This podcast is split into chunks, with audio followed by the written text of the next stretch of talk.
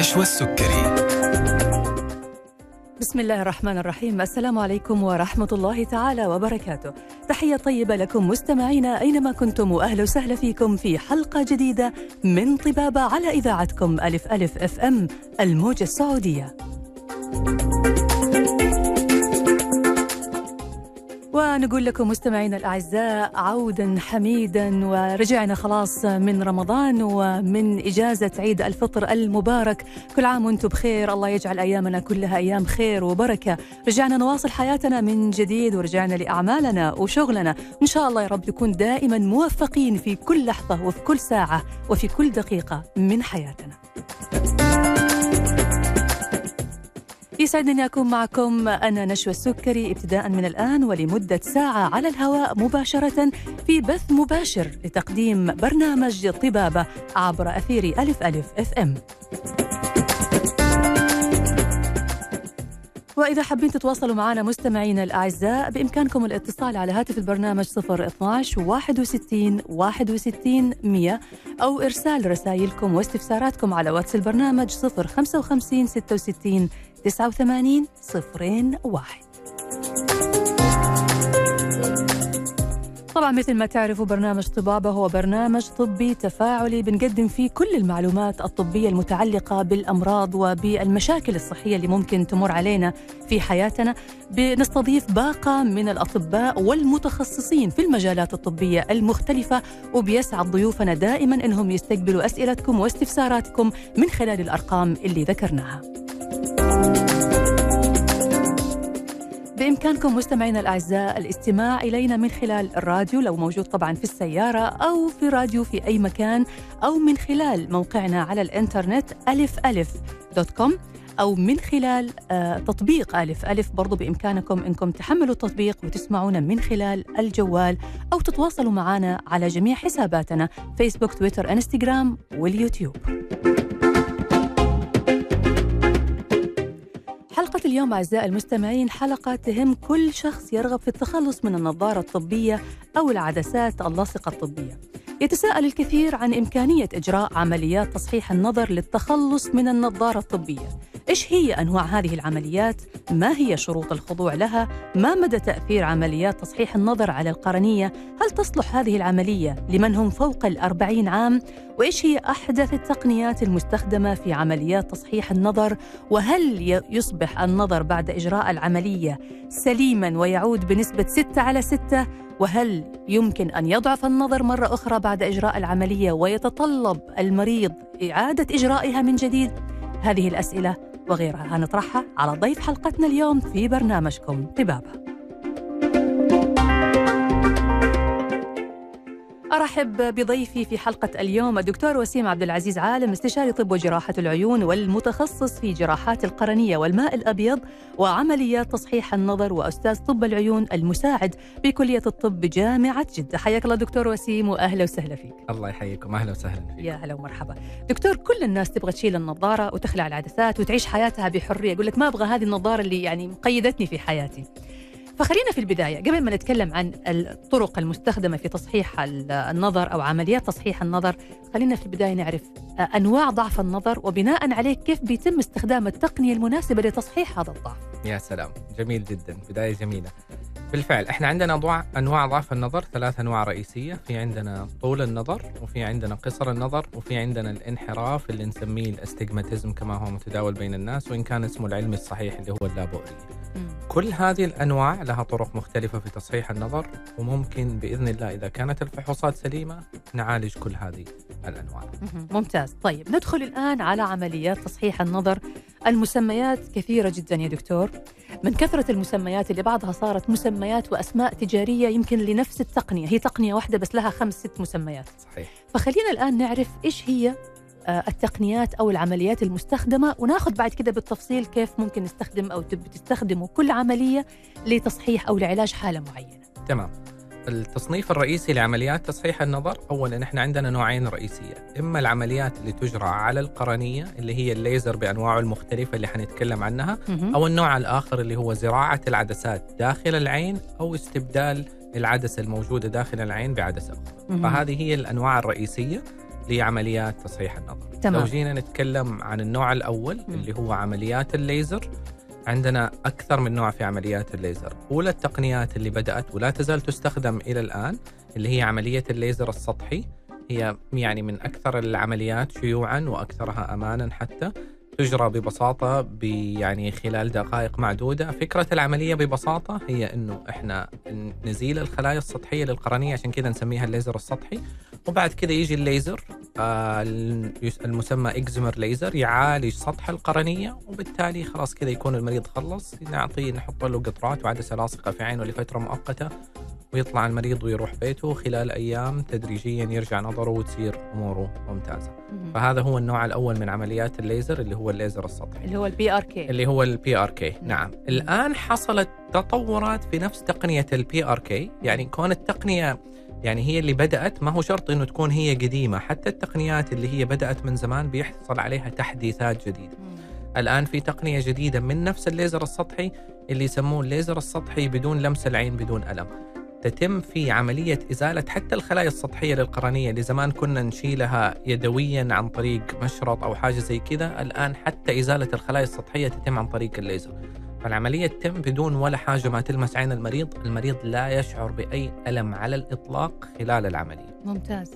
دقائق يخلص ويطلع وحياته تتغير تماما. مم. ممتاز. فهذا هو النوع الأول اللي هو الليزر السطحي بالتطورات اللي حصلت في هذا الليزر. حلو. النوع الثاني عندنا اللي هو الليزك إحنا عندنا الليزك في عندنا حاجة اسمها ليزك وفي عندنا حاجة اسمها femto LASIK مم. كلا العمليتين تتم إنه إحنا نقطع جزء من القرنية كغشاء نرفعه وبعد كده نعالج بالليزر اللي هو ال excimer ليزر برضو مم. سطح القرنية ونرجع الغشاء هذا مرة ثانية يعني الليزك في بيصير فيه قطع للقرنية أو لغشاء يا سلام. القرنية نعم. وبعد كذا تستخدموا الليزر وترجع تعيد الغشاء هذا مرة ثانية بالضبط. بالضبط القطع هذا لو تم عن طريق مشرط من نوع خاص يسمى الليزك ولو تم القطع هذا عن طريق ال femtosecond ليزر نسميه ال femto LASIK مم. يعني العمليتين فكرتها واحدة ولكن طريقة القطع هي اللي تختلف وتغير الأداة. المستخدمة في القطع فيتغير الاسم بناء على ذلك فلو. قلنا femto LASIK معناته القطع بيكون عن طريق بالليزر الليزر مم. بالضبط لكن. لو لو لو قلنا ليزك فقط معناها القطع بالمشرط. بالمشرط نعم. بالضبط نعم. والأدق ال- يعني في في, في, هذه العملية هل هو ال femto LASIK اللي هو استخدام يعني نقدر؟ نقول yes لو قلنا رقم واحد الأفضل فيهم يعني إذا قلنا الليزك أو ال femto LASIK مم. نقدر نقول إنه ال femto LASIK أدق نوعا ما. يعني نوعا ما أدق من من الليزك العادي ولكن لا تزال التقنيتين إلى الآن تستخدم وبشكل واسع وفي أنواع من ضعف النظر بيكون هذا هو النوع المناسب معها أو آه، درجته يعني افضل يعني تحديد التقنية المستخدمة سواء القطع يتم بالمشرط أو باستخدام الليزر يعتمد برضو على الحالة تقنية نعم على الحالة وعلى هل المريض أصلا يناسبه الليزك أو الفمتو ليزك أو الليزر السطحي أو كذا. تمام. طيب نكمل بقية نتكلم. عنها. تمام بعد كذا في يمكن الحاجة الأخيرة اللي كانت موجودة الآن اللي نسميها الفمتو سمايل. مم. فكرة عملية الفمتو سمايل إنه بيتم قطع غشاء من وسط القرنية. مش على سطح القرنية بيتم قطع غشاء من وسط القرنية. ونفتح فتحة صغيرة في القرنية ونزيل هذا الغشاء تماما. يزال هذا الغشاء تماما من داخل طبقات القرنية وبالتالي بعدها يتصحح النظر والمريض يشوف كويس. فهذه هي اللي هي هي آخر تقنية نزلت ولا يعني الأحدث إنه هو الأفضل زي ما قلنا. هذه هي آخر تقنية اللي هي ال femto smile. نعم. لكن زي ما حضرتك ذكرت مو معنى إنه في تقنية قديمة أو أقدم من تقنية معناها إنه هي صارت قديمة لا تستخدم. صحيح. لكن هو التقنيات هي نفسها موجودة بيتم تحديثها وبيتم تطويرها وكل تقنية بتكون مناسبة للحالة على حسب سلام. حالة الضعف أو حالة القرنيه اللي بيتم الشغل عليها أو إجراء العملية فيها. صحيح. هذا يرجعنا للسؤال اللي دائما يسألونه فيه المرضى سواء في العيادة أو في ال social media أو حتى في أي مكان. دكتور إيش أحسن تقنية أعمل بها تصحيح للنظر؟ صحيح. وهذا سؤال يعني دائما بنسال مم. طبعا دائما إحنا إجابتنا نقول الأفضل يختلف من شخص لشخص وذلك يعتمد على إيش؟ يعتمد على الفحوصات، إحنا أي مريض بيجينا العيادة. بيشوف الطبيب بنعمل له فحوصات معينة، قياسات النظر، بنعمل له فحص اللي هو تخطيط القرنية أو طبوغرافية القرنية اللي بيبين لي وضع قرنية المريض هذا وإيش النوع اللي يتناسب معه. بناء على هذه الفحوصات إحنا نحدد إيش الأنسب. يجيني مريض يكون الأنسب له مثلا الليزر السطحي بيكون هو الخيار رقم واحد. مم. أقول للمريض لا أنت بناء على فحوصاتك أنت تحديدا الأفضل لك الليزر السطحي. مم. يجيني مريض ثاني لا أقول له أنت أفضل لك هو الفمتو ليزك. يجي مريض ثاني نقول له لا أنت الأفضل لك مثلا خيار آخر. فالتقنية هي تعتمد على نتائج الفحوصات ورأي الطبيب في الموضوع هذا. وحالة العين نفسها الضعف فين موجود بالضبط. مش القرنية كيف وضعها؟ نعم. وطبعا الحالة الصحية بشكل عام للمريض. أكيد أكيد أكيد. طبعا هذا الموضوع جدا مهم.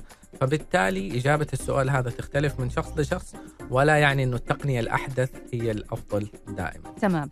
هعرف من حضرتك بعد الفاصل من هم الأشخاص المرشحين أو اللي تصلح لهم عمليات تصحيح النظر مين الأشخاص اللي ما تصلح لهم العمر المناسب لإجراءها.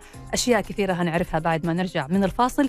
اللي ممكن نستقبل فيه برضو أسئلتكم على واتس البرنامج صفر 55 66 89 صفرين واحد. فاصل وراجعين.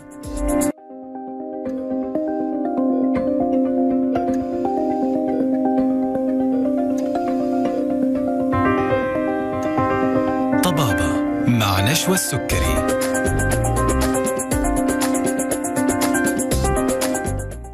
حياكم الله من جديد. مستمعينا الأعزاء رجعنا لكم مرة ثانية في برنامجكم طبابة على ألف ألف أف أم مع ضيف حلقتنا الدكتور وسيم عبد العزيز عالم استشاري طب وجراحة العيون والمتخصص في جراحات القرنية والماء الأبيض وعمليات تصحيح النظر. وهذا هو موضوع حلقتنا اليوم عمليات تصحيح النظر والتقنيات الحديثة. أرحب فيك مرة ثانية دكتور وسيم وأهلا وسهلا فيك.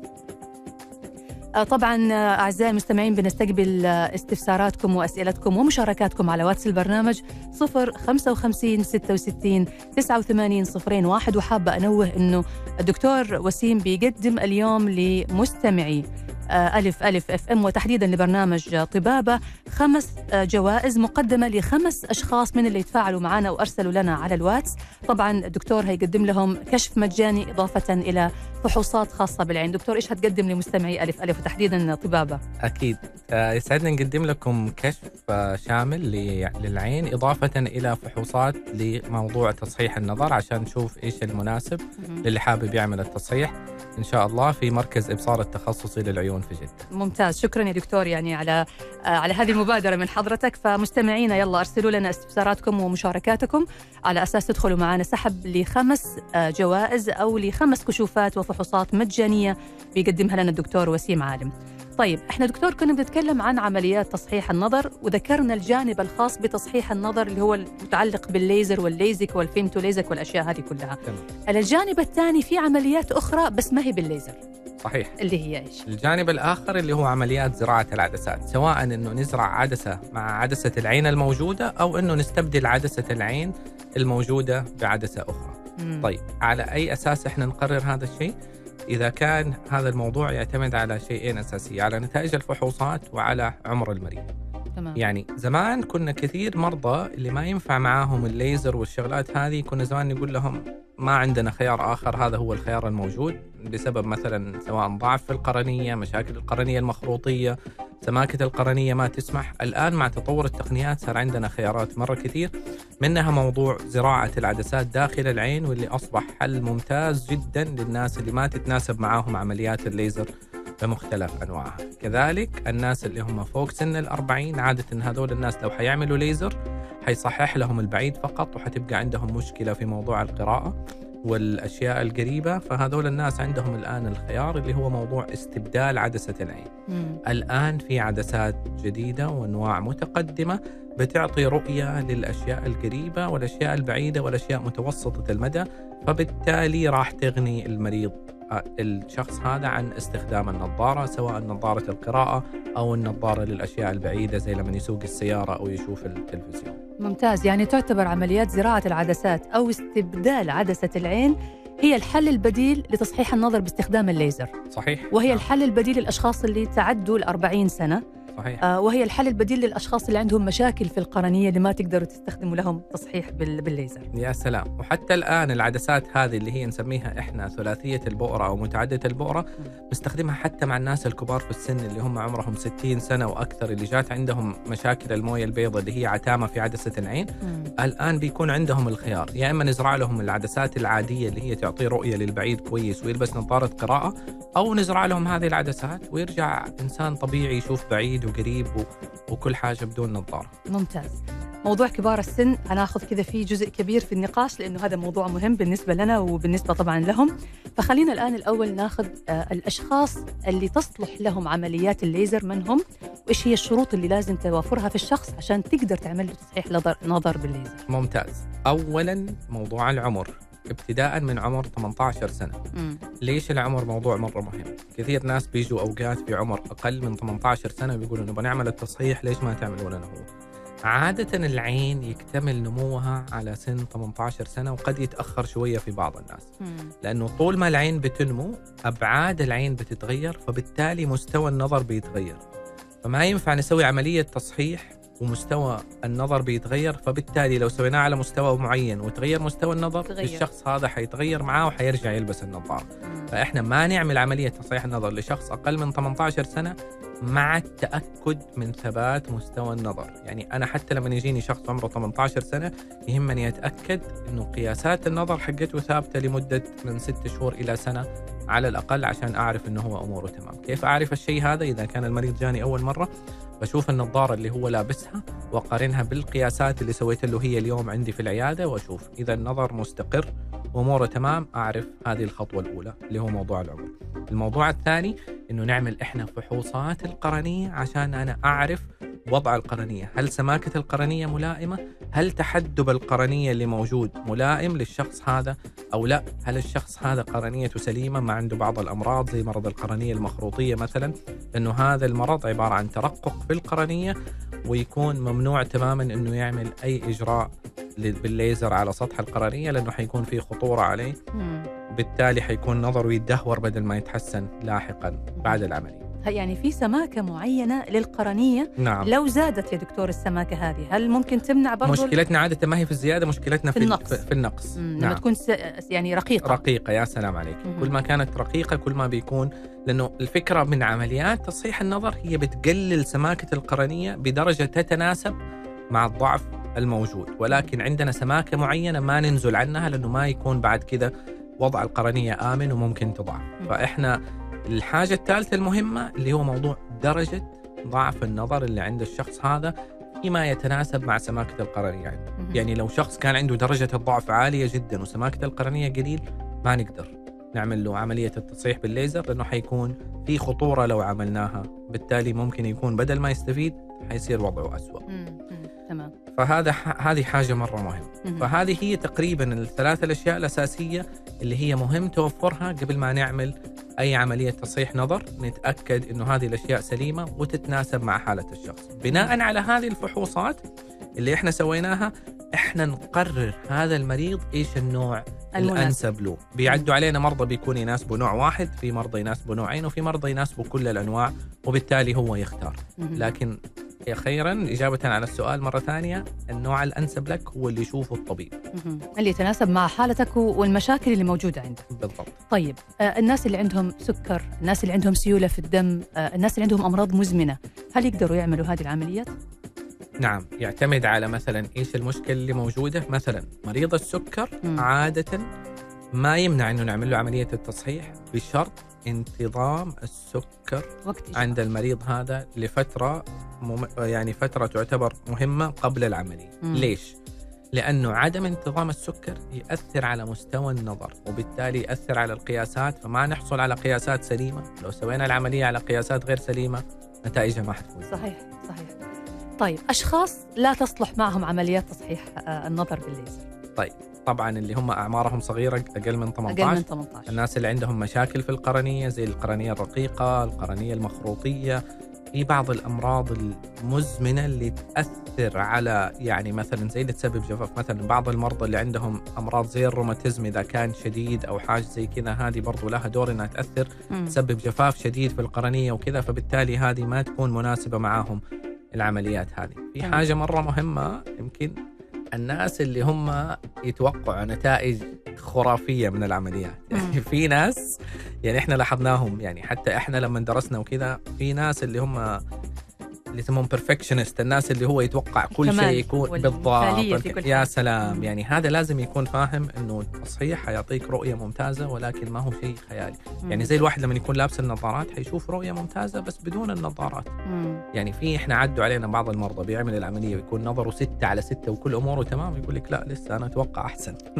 هو ستة على ستة إيش تبغى بعد الستة على ستة بالضبط يعني فأموره طيبة في ناس يعني كده عندها توقعات يعني غير مألوفة صراحة. فهذول الناس يعني مهم جدا. اختيار المريض المناسب للعملية هذه حاجة مهمة. هذا بصراحة مهم جدا يعتمد المريض اللي يبغى يعمل حاجة يروح للشخص المتخصص. أيوه. هنا هنا سؤال مهم يا دكتور وهو نتائج العملية بتعتمد على إيش بالضبط؟ يا سلام. ممتاز. أول حاجة على دقة الفحوصات اللي بتنعمل للمريض. كل ما كانت الأجهزة حديثة والفحوصات دقيقة هذا واحد. مم. اثنين الشخص اللي يشوف الفحوصات هذه اللي هو طبيب العيون المتخصص. إحنا في طب وجراحة العيون في عندنا سبعة تخصصات دقيقة. مم. يعني يمكن الناس ما تعرف كلها هذا الموضوع. يعني هو أوكي صح اسمه استشاري عيون. بس في تخصصات دقيقة يعني في عندنا تخصص اللي هو القرنية والموية البيضاء وتصحيح النظر اللي يبغى يعمل تصحيح لازم يروح للشخص المتخصص في هذا الموضوع لأنه هو بعد ما درس طب وجراحة العيون درس التخصص هذا بكامل التفاصيل تبعه فهو أحسن شخص يتعامل مع.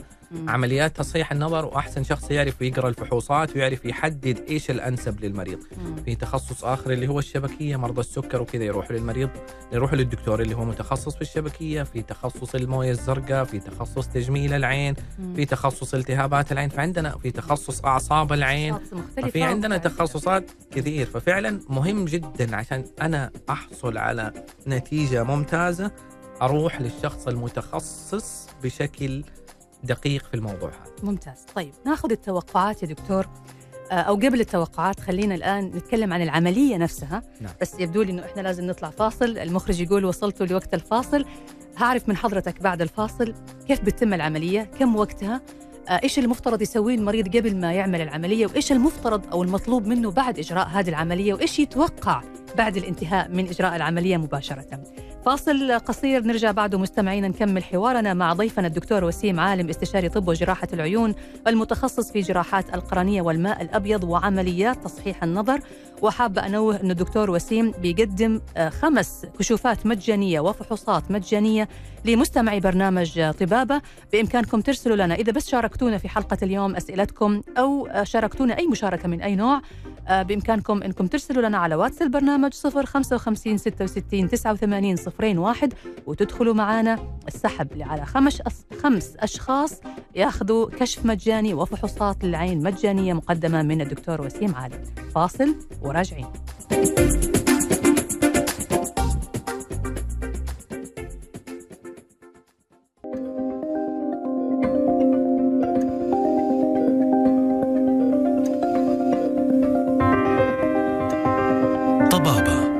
نشوى السكري. ويا هلا ومرحبا فيكم من جديد مستمعينا الأعزاء في برنامج طبابة على ألف ألف FM. ومع ضيف حلقتنا اليوم الدكتور وسيم عالم استشاري طب وجراحة العيون والمتخصص في جراحات القرنية والماء الأبيض وعمليات تصحيح النظر وموضوعنا اليوم عن عمليات تصحيح النظر والتقنيات الحديثة. وبالمناسبة دكتور وسيم أرجع أكرر وأقول بيقدم خمس كشوفات مجانية وفحوصات مجانية لمستمعي برنامج طبابة اللي هيشاركوا معنا في حلقة اليوم. حياك الله مرة ثانية دكتور وسيم وأهلا وسهلا فيك.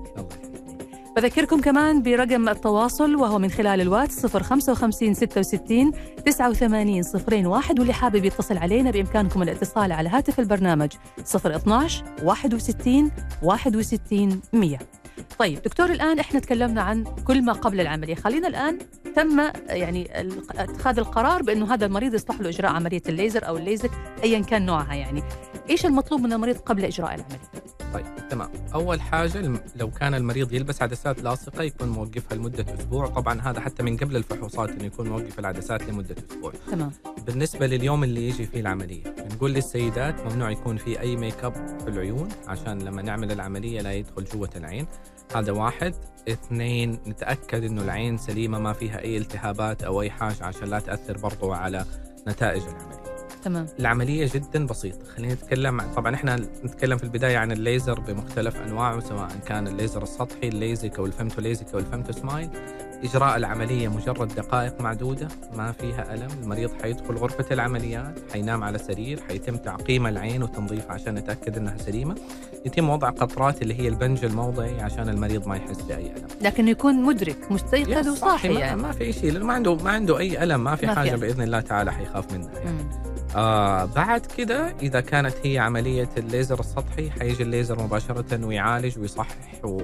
ودقائق ونخلص. نعمل العين اليمين عادة وبعدين نروح العين اليسار. بعد كده نحط قطرات وعدسة لاصقة ويمشي المريض إذا كانت ال femto LASIK أو الليزك العادي أو ال femto smile حيجي الليزر يقطع الغشاء اللي تكلمنا عنه أو سواء نقطعه بالمشرط وبعد كده نعالج بالليزر ونرجع الغشاء مكانه إذا كان ليزك أو فمتو ليزك أو. الفمتو سمايل إحنا بنشيل الغشاء هذا خلاص ونتخلص منه ما نحتاجه مم. مرة ثانية ونفس الحكاية نحط المريض قطرات ما بعد العملية ويخلص ويطلع المريض البيت في نفس الوقت يعني. هي دقائق معدودة بتغير حياة المريض تماما يعني. ماذا يتوقع بعد العملية؟ تمام عادة بعد العملية تختلف على حسب النوع الليزر السطحي يحتاج المريض شوية وقت بعد العملية عدة أيام لين يتحسن نظره ويصير نظره. الرؤية فيه ممتازة ياخذ يعني كل يوم حيلاقي الرؤية أحسن عادة ثلاثة أربعة خمسة أيام إلى أسبوع مثلا كذا.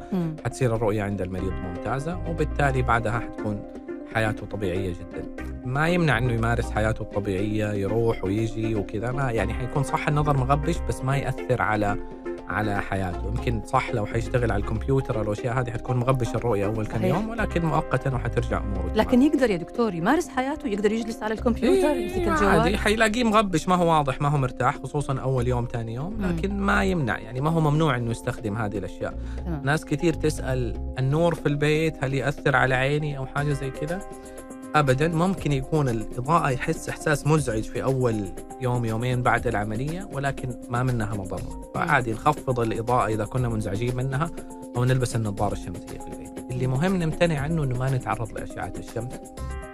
في أول خمسة أيام إلى أسبوع بعد العملية مم. ولو اضطرينا نطلع في الشمس نكون لابسين النظارات الشمسية لازم النظارة الشمسية نعم لو حنطلع. الشمس مم. يس أيوه عشان موضوع الأشعة فوق البنفسجية لها تأثير على العين إحنا عادة ترى كل الناس ننصحهم يلبسوا النظارة الشمسية وهذه حاجة مرة مهمة ما هو بس اللي عامل العملية بس اللي عامل العملية مرة مهم أول أسبوع إنه يمتنع عن التعرض للشمس بقدر الإمكان عشان ما تأثر على العملية تمام. اللي بيعمل الفيمتو ليزك أو الليزك العادي عادة بيكون تحسن النظر عنده أسرع يعني من ثاني يوم أو ثالث يوم بتكون الرؤية عنده أوضح و- واصفى مم.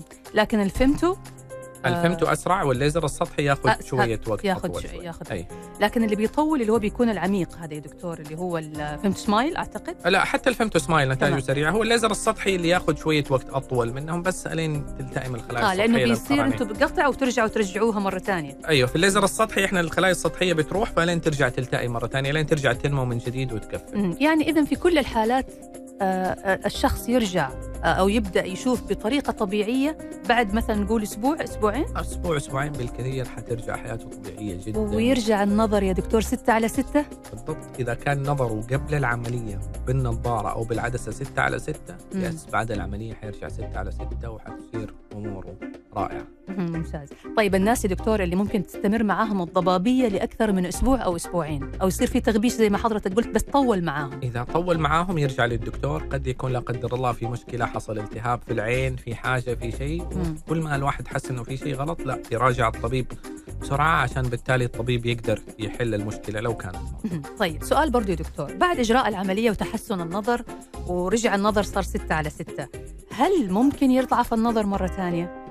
طيب سؤال مهم وبنسائل فيه كثير. طبعا أول حاجة الكمال لله سبحانه وتعالى. بالله. ما في شيء 100% غير عند ربنا سبحانه وتعالى.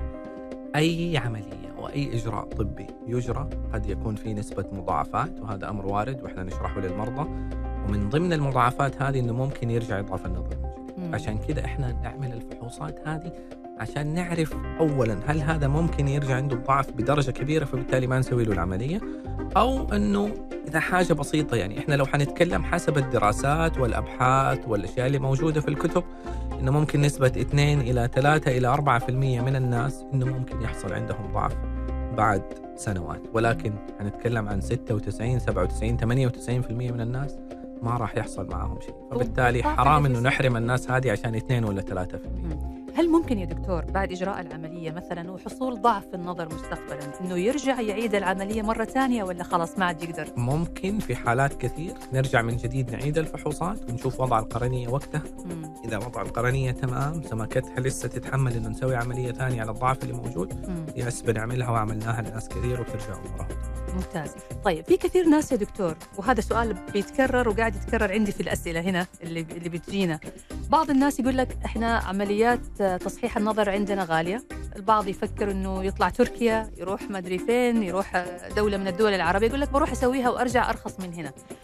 لكن بعضهم بيتعرض لمشاكل صحية بعد ما يجري العملية وبعدين يرجع يتابع مع أطباء هنا جوا السعودية. فهذه النقطة مهمة نبغى نتكلم فيها. والله مهمة جدا. كويس إنك فتحتي الموضوع هذا. هذه أشياء إحنا بنشوفها للعيادة. يعني خلينا نتكلم عن موضوع السعر. الناس اللي بتشوف okay صحيح أوقات في بعض الدول سعر العملية بحد ذاته ممكن يكون أرخص من هنا. يعني خلينا نتكلم بصراحة. متوسط أسعار عمليات تصحيح النظر. الآن لو قلنا عن ال- الليزر السطحي مثلا في السعودية مم. ما بين 4 إلى 5000 ريال. هذا متوسط السعر تقريبا لعملية الليزر السطحي. برا كم بتكون؟ حتكون مثلا بكم؟ بيقولوا مثلا بنلاقيها ب 1500 ريال ولا 2000 ريال أو حتى 1000 ريال. طيب ما المريض حياخذ تذاكر ويروح. وحيحتاج سكن. وبالتالي هذه مبلغ ينضاف لقيمة العملية. بس أنه إضافة لذلك المريض يحتاج متابعات فيما بعد العملية. إحنا ما هي عملية بس تنعمل ويمشي وخلاص. صحيح. يحتاج متابعات بعدها بأسبوع أسبوعين شهر شهرين يعني حيحتاج أكثر من متابعة. مم. هل حيقدر المريض يجلس الفترة هذه كلها هناك؟ أو حيرجع؟ أو حيسافر مرة ثانية ويرجع؟ أو حيضطر إنه يدفع ويشوف طبيب هنا مم. هذا واحد اثنين موضوع دقة الأجهزة والأجهزة الحديثة وهل الطبيب اللي حيعمل العملية هل هو فعلا متخصص في هذا الموضوع هذا موضوع مهم لازم المريض يتأكد منه قبل ما ياخذ قرار زي كذا. شفنا للأسف أنه مرضى كثير راحوا للأسف في بعض الناس ما بيخاف الله وعارف أنه المريض حيجي يسوي العملية مرة وماشي. واحدة وحيسافر وما. حيشوفه إيه. يعني إحنا مثلا عدوا علينا مرضى أنا أقول لك تجربة شخصية أنا مرة جاتني مريضة تبي تعمل عملية تصحيح. قلت لها ما تنفع لك ما أنصحك تسويها لأنه قرنيتك ضعيفه مم. أنواع الليزر ما تتناسب معك خيار زراعة العدسات ممكن هو تشوفه. لكن ليزر إياك يا أحد يلمس عينك لأنه لو عملتيها الأمور حتسوء. راحت سوتها برا راحت وراحت لدولة من الدول وعملوا لها هي ورجعت وجاتني بعد سنة أمورها تدهورت بشكل كبير ف رجعت قالت لي دكتور قلت لها أنا قلت لك لا تعمل العملية قالت والله أنا رحت سافرت وقالوا لي تنفع. قلت لها طب أوقات ترى أشياء بالمنطق ترى لو تنفع أنا أسوي لك هي هنا إيه بالضبط، يعني بالعكس ليش- ليش ليش أمانع ليش يعني. ما نسويها يعني. بس إحنا قلنا لك إنه من مصلحتك. فللأسف هذا موضوع مهم. مم. فالواحد لما حيسافر برا موضوع التكلفة حيكون في النهاية فعليا في السعودية عندنا زيها أو أقل. حاجة ثانية موضوع الناس المتخصصين موضوع المتابعات. الجهات الرقابية عندنا هنا جدا ممتازة في المملكة. موضوع تراخيص الأطباء ما هو أي أحد يقدر يسوي أي إجراء؟ ل- لأنه الجهات الرقابية عندنا هنا ممتازة فبالتالي ما بيصير عندنا تجاوزات. في البلد حتى الأجهزة يعني. الحمد لله إحنا السعودية من أكثر الدول اللي فيها أجهزة طبية متطورة والأشياء هذه. فبالتالي هذه كلها لها دور كبير عشان إحنا نحصل على نتيجة ممتازة. مم. فإحنا دائما نقول للمرضى لا تسترخص في عينك عينك غالية. صحيح يا دكتور. طيب دكتور بالنسبة للناس اللي عندهم استجماتيزم أو الانحراف ال- العين هل ممكن يجري تصحيح النظر بالليزر؟ يس صحيح. هذا معتقد شائع عند الناس إنه الانحراف الناس اللي عندهم انحراف واستجماتيزم ما يتصحح. لا ابدا. إذا فحوصاته تمام بيتصحح وبنصحح ولدرجات كبيرة كمان مم. ويرجع أموره تمام وبيشوف كويس ممتاز لأنه الاستجماتيزم بيضايق الناس خاصة إذا كان نظره طبيعي كويس بس عنده بس استجماتيزم هذا. اللي يضايق مزعج جدا للقريب والبعيد كمان مزعج مم. طيب حالات كسل العين يا دكتور وحالات ضعف العصب في العين هل يصلح معاها تصحيح ال- النظر بعمليات الليزر؟ للأسف لا مم. لأنه إحنا عمليات الليزر تناسب الناس اللي هو لابس نظارات وبيشوف كويس أو عدساته بيشوف كويس مم. حتغنيه عن النظارة ويشوف بنفس المستوى هذا مهم. إذا عنده ضعف وظيفي سواء في العصب في الشبكية كسل في العين للأسف إنه هذا لا يمكن علاجه لأنه هذه الأشياء يفترض إنها تتعالج من بدري موضوع الكسل. بس نقطة أحب أنوه عليها بما أنك فتحتي موضوع الكسل موضوع كشف العين عند الأطفال موضوع جدا مهم. بنشوف حالات كثير كان ممكن تداركها ببساطة لو تم الكشف على عيون الأطفال. نصيحة مرة مهمة لكل الأهالي. إذا عندكم أطفال ما كشفتوا على عيونهم لازم تفحصوا عيونهم. الطفل تفحص عينه عند الولادة وفي سن سنتين وأربع سنوات وست سنوات قبل ما يخش المدرسة. إذا. ما قد فحص ولا مرة افحصوه فورا عشان لو لا قدر الله في شيء بيكون سهل علاجه في البداية. قبل ما يكبر وبعد كذا يصير من الصعب جدا علاج المشكلة. حضرتك قلت لي إحنا بندردش كذا في الفاصل قلت لي إنه أحيانا لما بيصير في كسل في العين أو مشكلة عند الطفل فالدكتور يطلب إنه تغطي آه، العين ال- السليمة وتخلي العين الضعيفة هي اللي شغالة عشان المخ يشتغل عليها ينشطها مزبوط. برضو نأكد على هذه النقطة عشان المستمعين ينتبهوا لها صحيح في بعض المرضى اللي بيكون عندهم كسل زي ما قالت الدكتورة نشوى فبالتالي يحتاج المريض هذا إذا نصحوا الطبيب تبع عيون الأطفال اللي بيعالج المشكلة هذه إنه يغطي العين السليمة ضروري الالتزام بالتغطية ضروري الالتزام بالمدة اللي يقولها. لأنه للأسف شفنا حالات طلع عندهم كسل. لما تكلمنا مع الأهل قالوا والله الدكتور قال لنا غطوا له عينه بس هو الطفل ما كان يخلينا نغطي العين كان يغطيها ويشيلها. مم. ما ينفع الكلام هذا إذا تبغوا تحافظوا على نظره وتبغوا يشوف كويس لازم تتبعوا التعليمات حرفيا زي ما يقولها تمام. طيب نروح برضو يا دكتور لنقطة مهمة عشان الناس اللي حابة إنه تعمل عمليات تصحيح نظر. المسميات كثيرة جدا يا دكتور. صحيح. يقول لك أفضل تقنية لمع ببصمة العين. آه، تقنية البريس باينت أو شيء زي كذا. ما. أسماء غريبة وأسماء متعددة. آه، هي أسماء تسويقية أو طرق تسويقية لبعض الأماكن. صحيح. فبرضو هذه النقطة حابين نوضحها عشان الناس ما تنخدع بالمسميات ويعرف أنا لما أجي أقرر أنه أروح أعمل هذه العملية فين أروح وأبحث عن إيش بالضبط؟ يا سلام. زي ما قلنا كل عمليات الليزر تندرج تحت واحدة من الأربعة هذه. إما الليزر السطحي أو الليزك أو ال femto LASIK أو ال femto smile. كل المسميات الثانية مسميات دعائية لو شفت أي إعلان أو حاجة زي كذا اسأل الطبيب. لما تروح له قل له أي نوع من هذه الأنواع. هل هو الليزر السطحي الليزك ال femto LASIK أو الفيمتو سمايل؟ لأنه هذه هي الأنواع الأساسية. في مسميات بتختلف شوية حسب نوع الجهاز أو حسب كذا لكن التقنية في النهاية المستخدمة هي تؤدي إلى واحد من هذه الأربعة. الأنواع. يعني كلها مسميات تجارية. طيب. صحيح. إحنا عندنا أسئلة كثيرة جاتنا دكتور. آه، طبعا إحنا بنخصص الجزء الأخير من الحلقة للإجابة على أسئلة المستمعين. هنطلع الآن فاصل آه، ونرجع بعد الفاصل نجاوب على الأسئلة علشان نختار خمسة من اللي أرسلوا لنا. حضرتك تعطيهم الكشف المجاني وفحص العين المجاني. آه، موضوع زراعة العدسات يمكن ما نلحق نتكلم عنه ممكن نخصص حلقة ثانية نتكلم عن هذا الموضوع. لكن لازلنا نستقبل أسئلتكم واستفساراتكم على واتس البرنامج 055 66 89 صفرين واحد وهتكونوا مرشحين للحصول على جائزة مقدمة من الدكتور وسيم عالم وهي عبارة عن كشف مجاني وفحص مجاني لقاع العين. فاصل وراجعين.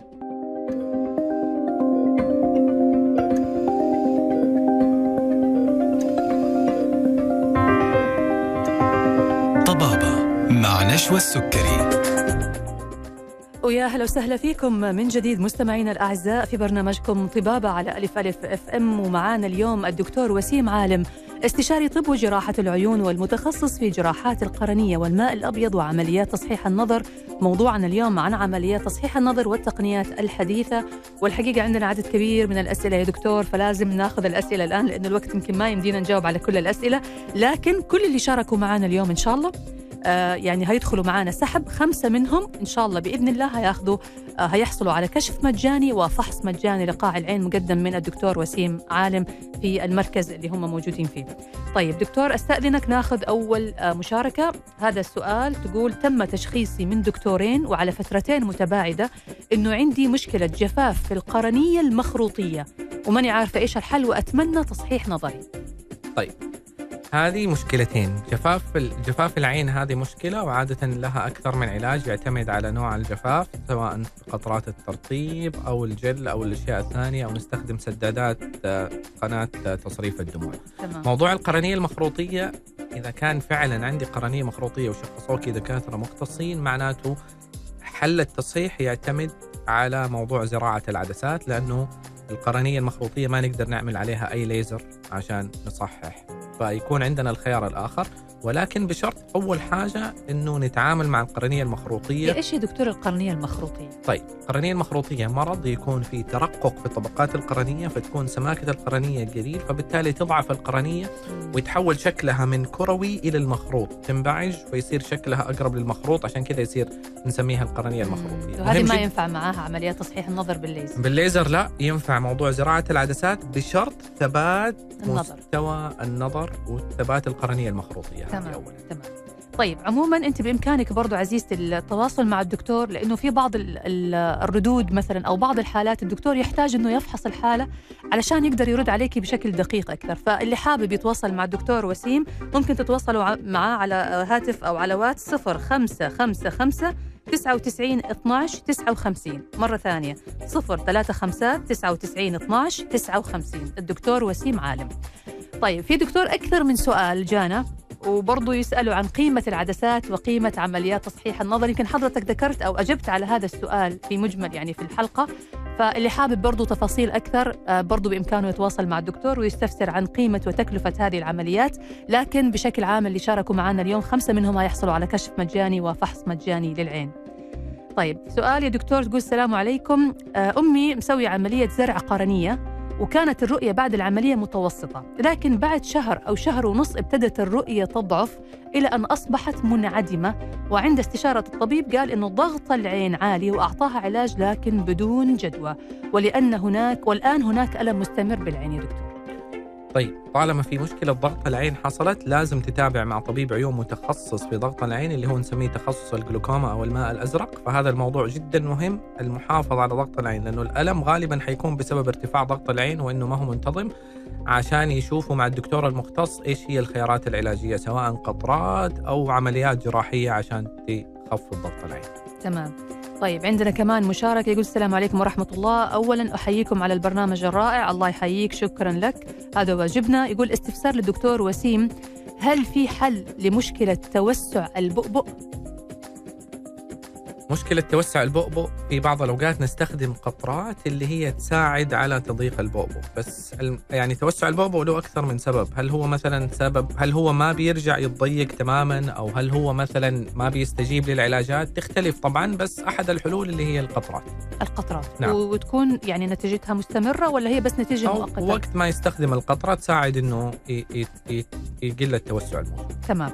عندنا كمان سؤال من الأخ لؤي الكيالي يقول أسعد الله مساكم.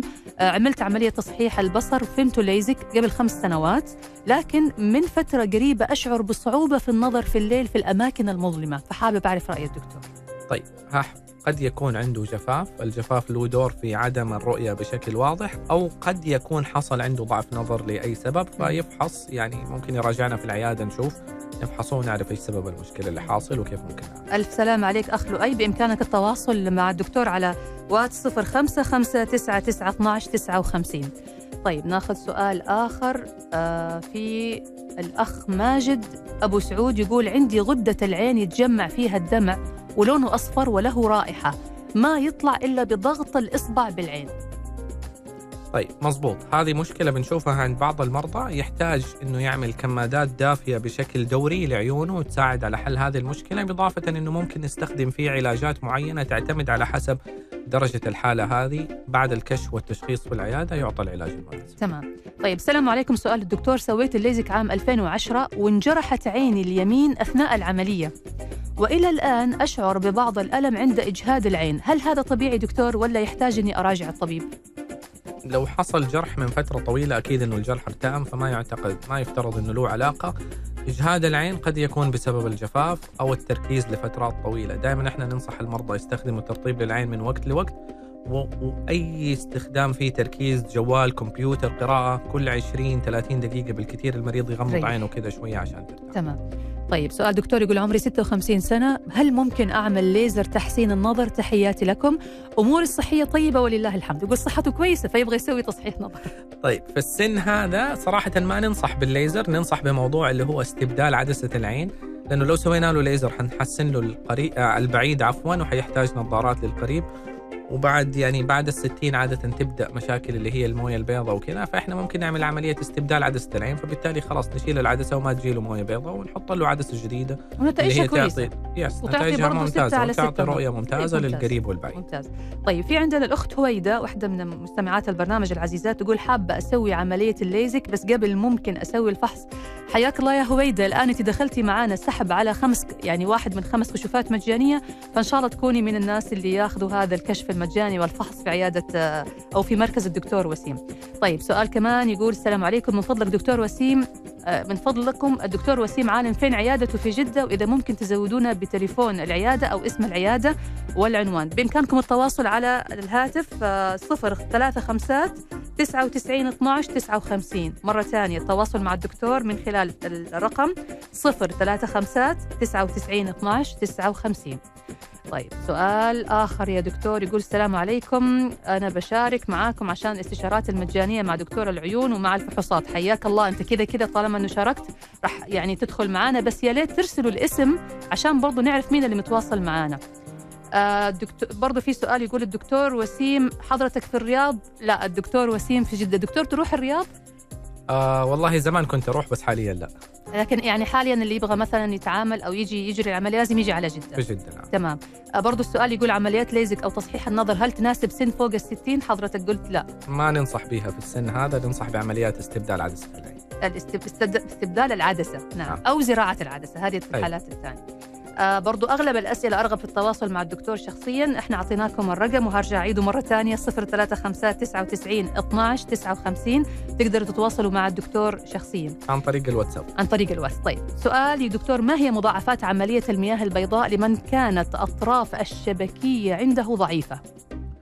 طيب قبل ما يعمل العملية المريض هذا أول حاجة يشوف طبيب الشبكية عشان يشوف إذا كان يحتاج ليزر عشان يثبت الشبكية عشان يمنع أنه ممكن يحصل انفصال أو لا. مم. إذا ما في مشكلة خلاص ممكن يعمل عملية الموية البيضاء. الناس هذول يكون عندهم احتمالية أعلى شوية من الناس الثانيين أنه قد يحصل عنده انفصال في الشبكية بعد العملية ولكن لا يمنع أنه يعمل عملية ال- الموية البيضاء. ولو حس بأي أعراض اللي هي دلائل انفصال الشبكية زي سواد داخل العين أو فلاشات نور متواصلة يراجع الطبيب فورا. وعمره 76 ما في مشكلة. الله يعطيه الصحة والعافية. آمين. طيب ناخذ كمان سؤال. هذا أبو طلال الشهري يقول أنا مريض سكر وضغط أستخدم منظم وليس علاج للسكر. آه، هل عملية الليزر أقدر أعملها؟ وفين مكان عيادة الدكتور وسيم عالم؟ نعم ممكن نعمل العملية بشرط أنه يكون السكر التراكمي في مستوى منتظم. نتأكد قبل العملية بشهر شهرين أنه السكر كان أموره منتظمة وقياسات النظر ثابتة وممكن نعمل في ممتاز. عيادة الدكتور يا أبو طلال في جدة. حياك الله. والدكتور مرحب في كل اللي متواصلين معنا في البرنامج. طيب الأخ ياسر الزهراني يقول السلام عليكم ورحمة الله. استفساري آه، حرف عادي. عندي حرف عندي ضعف النظر وعند الطلب عملية التصحيح وعندي طلب لعملية التصحيح. أرغب في مدى تعديل الانحراف مع النظر. هل ممكن ولا لا؟ وهل تنحل؟ لأنه الآن عند النظر عنده النظر غير متساوي. ونظارة العين اليسار 6 على 6 بالنظارة والعين اليمين بدون النظارة خمسة ونص أو بالنظارة خمسة ونص عفوا. على ستة. فأفادني الدكتور أنه قال لي ما إذا أنا صراحة الكلام مش واضح المعذرة ما نمت إلا يمكن يصير بالنظارة ستة على ستة. المهم هو بالنظارة عنده عين ستة على ستة والعين الثانية خمسة على ستة فيسأل هل بإمكانه يجري عملية تصحيح النظر ولا لا بس ما قال كم العمر. طيب إذا ممكن نجري عملية تصحيح النظر التحسن حيصير إلى أحسن مستوى وصل له بالنظارة. طبعا إحنا لو حنعمل العملية حنعمل قياسات للنظر من جديد وحنشوف إيش الوضع. وحيتبلغ قبل العملية إيش المستوى اللي حيكون فيه النظر بعد العملية تمام. طيب عندنا برضو سؤال ثاني يقول أنا أبغى أتواصل مع الدكتور مكالمة. يقول أنا مسوي عملية زراعة قرنية وأتمنى أكلم الدكتور بإمكانك تتواصل على الرقم اللي ذكرناه. إحنا كذا المخرج يقول لي خلاص الوقت انتهى وأنا بعتذر والله لكل المستمعين اللي أرسلوا لنا. حتى لو ما قرأنا سؤالك أو مشاركتك معنا فتأكد أنك دخلت معنا السحب على خمس كشوفات مجانية وفحوصات مجانية بيقدمها الدكتور وسيم عالم.